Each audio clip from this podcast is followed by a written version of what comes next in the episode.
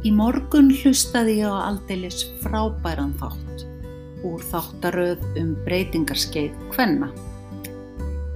Af vísu var hann endur fluttur en ég hafði greinilega mistað þessu í frumflutningi.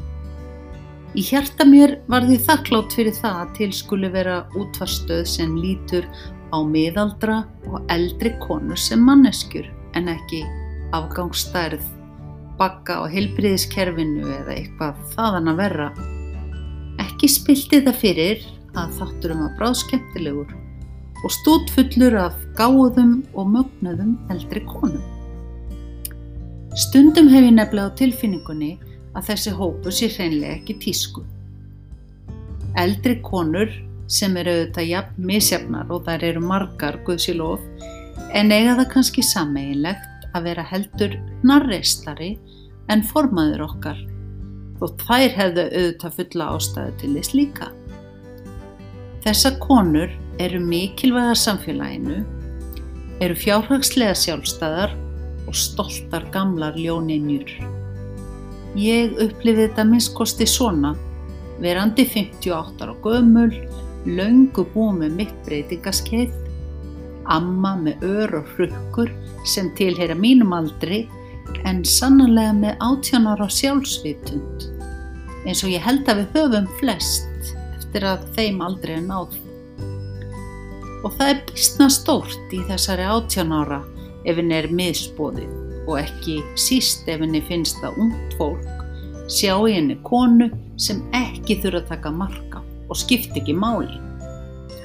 Miðaldra hnussið er alltaf tiltækt og engin feimni lengur yfir því að segja meiningu sína á vandar í íslensku. Það eru kannski forréttindi okkar gráhærðu að hafa litlar áhyggjur af því hvað fólki finnst um það sem við erum og segjum en við viljum að okkur sé sínt kurtis og virðing af öllu ungu fólki í samfélaginu og ekki bara börnum og barnabörnum.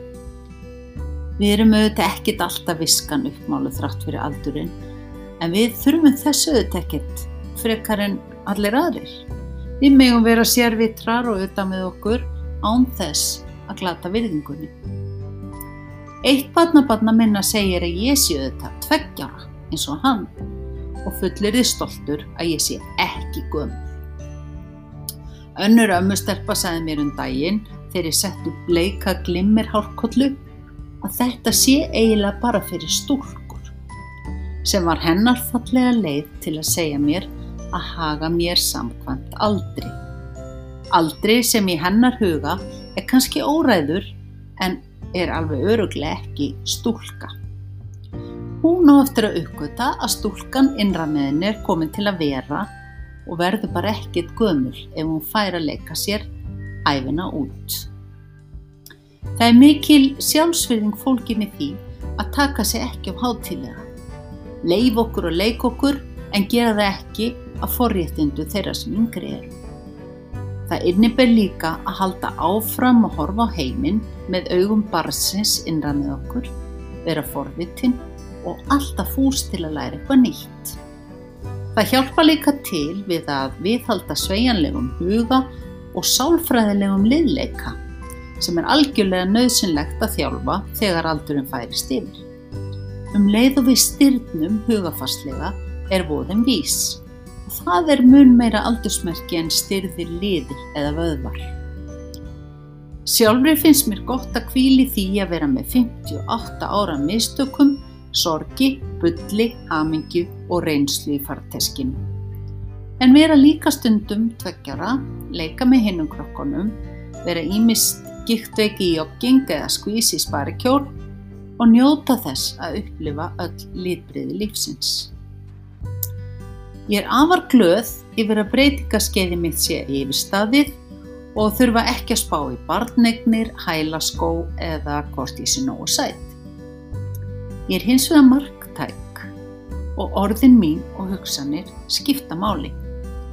Aldurinn sem við mælum í árum er óvíð fengjanlegur en svo stjórnum við því sjálf hvort hinn innri stúlka fær að eiga rödd líka.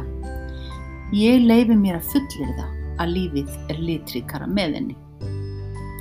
Sjálf Ópra Winfrey segir Við lifum í menningu sem er heltekin af eskudýrkun og reynir sífælt að telja okkur trúum að ef við erum ekki ung, ljómandi og kynþokkafull, þá skiptum við ekki máli. Ég neita að láta kerfi eða menningu eða afbakaða sín á raunveruleikan segja mér að ég skipt ekki máli. Ég veit að aðeins með því að gangast við því hver og hvað þú ert getur þú farið að upplifa lífið til fulls. Sér hvert ár ætti að kenna okkur eitthvað dýrmætt. Hvort þú lærir eitthvað er eiginlega undir þér komið.